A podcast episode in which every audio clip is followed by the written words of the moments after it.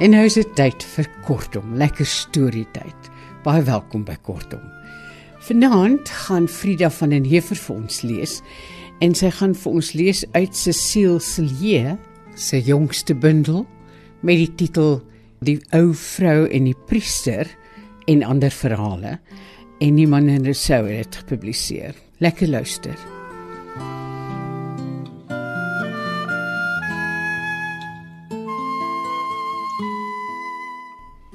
Waarom sy van al die dinge in die huis juis die foxfur geneem het, kon sy self nooit presies sê nie.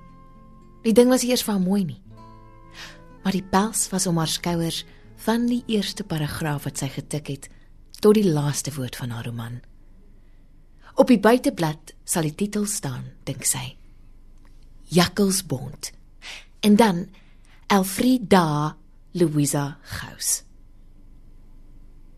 Elfrida en haar ma het nooit langs dieselfde vuur gesit nie. Al het hulle dieselfde name gedra. Name wat vier geslagte lank al aan die oudste dogter van die oudste dogter gegee word. Elfrida Louisa. Dink sy wrevelrig. Hoekom kan kinders nie inspraak hê in hulle eie name nie? Self kies. Maar nee.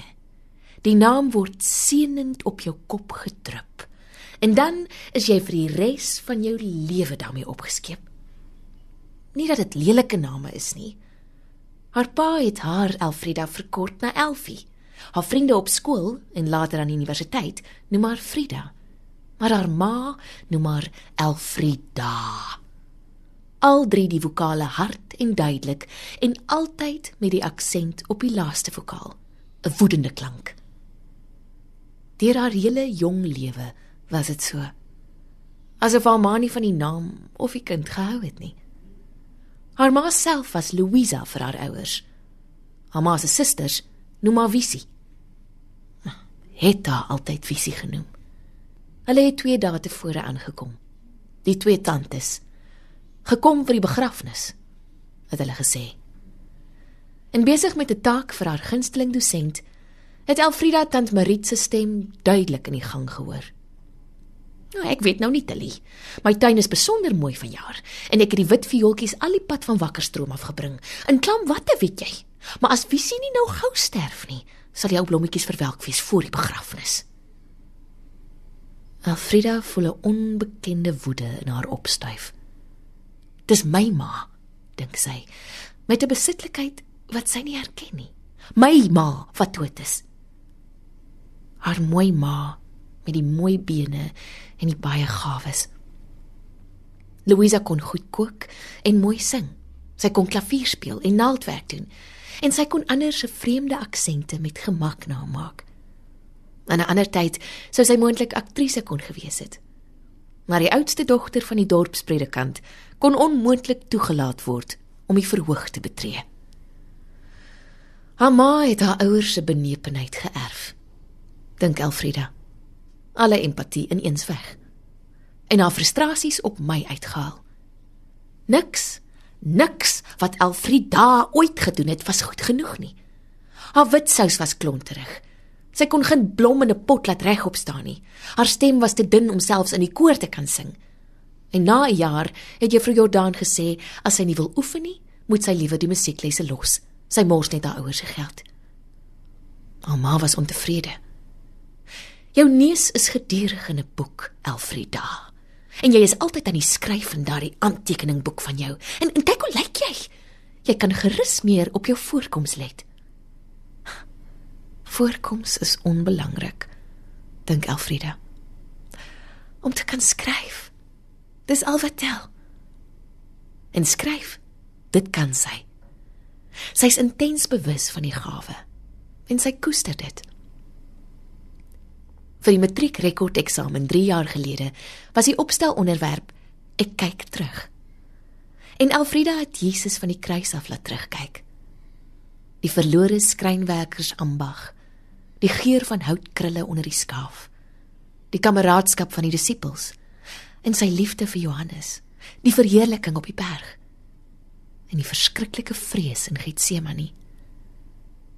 Sy het die opstel afgesluit met die ontstemmende laaste kreet: My God, my God, waarom het U my verlaat?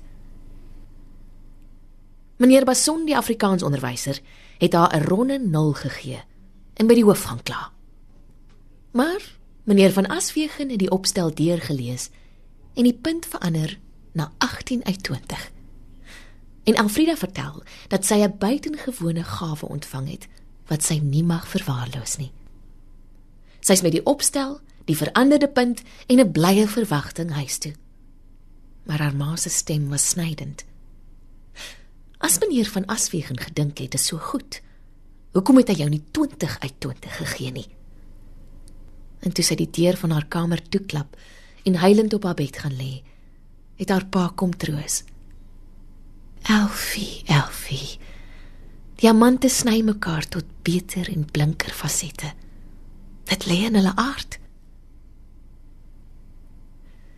Die eerste tekens van haar ma se siekte was lank reeds daar, dink sy nou. Sy het gesien haar ma word gouer moeg as gewoonlik. Lê graag later in die oggend, laat meer en meer aan Elfrida oor. Maar sy het dit gelate aanvaar totdat haar pa haar een aand onder trane vertel het dat Louisa kanker het en dat sy onmoontlik kan herstel. Haar klonterige wit sous ten spyt, het Elfrida stelselmatig die huishouding oorgeneem. En toe haar ma eers hospitaal toe is, het sy tussen alles deur elke agtermiddag as dan nie klas was nie, by haar ma se bed deurgebring. Eers die bus van die huis of van die universiteit af stad toe en daarvandaan die bus hospitaal toe. Om daar klein geselsies te maak oor haar studies en die tuin en hoe sy regkom met alles. Maar sy het meerendeels gelees of geskryf en haar ma het meerendeels geslaap.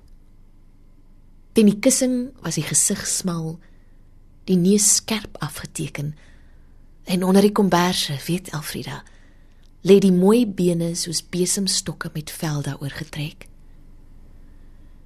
Een agtermiddag het die salsuster haar uit die kamer beveel en die groen gordyne om die bed toegetrek. Sy het buite in die gang gaan staan, haar voorkop teen die koel glas van die venster en toegelaat dat haar oë oorloop van intense mededoe en van vermoeidheid. 'n Jong dokter het verbygekom en haar trane gesien. Is dit jou mammie wat siek is? het hy gevra. Elfrida het woordeloos geknik. "Toe ma," sê hy. "Toe ma. Ons sal haar weer gesond maak." Elfrida was self verbaas oor hoe bars haar stem was. "Nee, jy sal nie. Sy het kanker en jy kan daar niks aan doen nie." Terug by haar ma se bed, haal sy haar sakboekie uit en skryf die klein episode in detail neer. 'n Drama in die kleine. Haar onverwagte trane, haar kwaai respons, die dokter se skrik en verleentheid. En staan verbaas oor haar afsydigheid. Alfrida. Verbeel sy haar of is die vokale minder gebiedend? Alfrida, skryf jy nog steeds? Haar ma se blou oë is leeg en melkerig grys. En na 'n klein stilte is goed so kind. Sy het sonder antwoord die boekie weggebêre en stom haar ma se hand vasgehou. En nou is alles verby. En die susters het gekom om haar ma se goed deur te gaan en weg te maak om Kobus se onthaalwe. Terwyl haar pa niks siende en niks seggende, verdwyn in 'n grys wolk van verdriet. Alfrida sien haar ma nog in die grys kreprok met die drapeersel op die heup. Die grys suede hofskoene met die verleilike peeptoes en om haar skouers die jakkalsbond. Op die laaste oomblik keer haar ma die botteltjie met soekou van Gourlay om, trek die glasprop uit en druk dit teen haar polse in die waai van haar arms haar eie persoonlike geur Signature perfume. Het Elfrida eenmal in 'n Vogue gelees en die frase bly haar by. Signature perfume. Asof jou naam, jou persoonlikheid in jou geur omskryf word. Haar tante het ook mooi voete en bene, dink Elfrida. En hulle sal die klere en die suede skoene, o, die suede skoene, waarskynlik met swier dra. Met swier miskien, maar sonder haar ma se elegansie, want die besit hulle nie. Maar met hoeveel elegansie haar ma ook al die jakkalsbond om haar skouers gedra het, het Elfrida nooit vatplek aan die ding kon kry nie.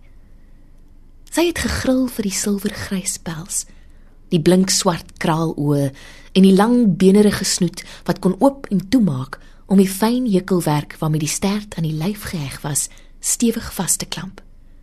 Sodat die foxfur netjies op sy plek om die skouers kon bly. Daar styg skielik 'n soort paniek in haar borskas op. Die tantes gaan alles wegdra om self te dra. Die mosterd linnepakkie met die parmante gehoed, die bruin georgette op die skynste gesny en die lang blombond tea gown wat haar ma soms middag aangetrek het om haar pa te verras. Hulle gaan alles wegdra. En wat van die matched luggage waarvoor haar ma so lief was? Die tasse van nagemaakte slangvel met die satijnvoering. Hulle gaan dit ook seker saamneem om die byt in te pak.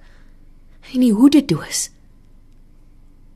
Onder in die hoededoos, weet Elfrida. Netjies opgekrul, lê die foxfur. Die huis is stil. Die begrafnisgangers met hulle baie woorde en drukkies en soene is lankal by die deur uit. Die skottelgoed is gewas, die stoele weer reggestoot. Die tantes het vir alles gesorg, want die arme Kobus is stikkend en Alfredaatjie maar bra onhandig. En tot tant Marit se vreugde het die wit viooltjies gehou. Nou slaap die susters die slaap van die regverdiges.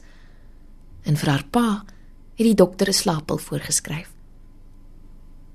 Alfrida staan op, gaan soetjies na haar ouers se kamer toe. Luister vir 'n oomblik na haar pa se diep asemhaling. Die effense snorkie.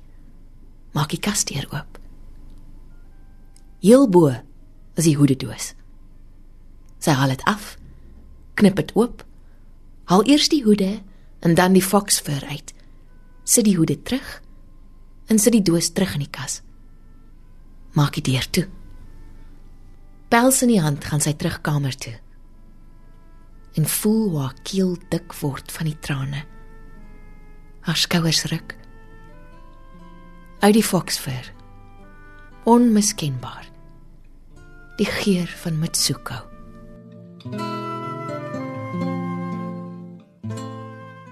Frida van den Heever het vir ons Cecile Silje se verhaal Die Fox Fur gelees. Dit kom uit haar jongste bundel, Die ou vrou en die priester, en dis 'n Human en Rousseau publikasie. Van my, Margolite, alles van die aller aller allerbeste. Tot volgende keer. Mag dit met ons almal goed gaan. Totsiens. thank you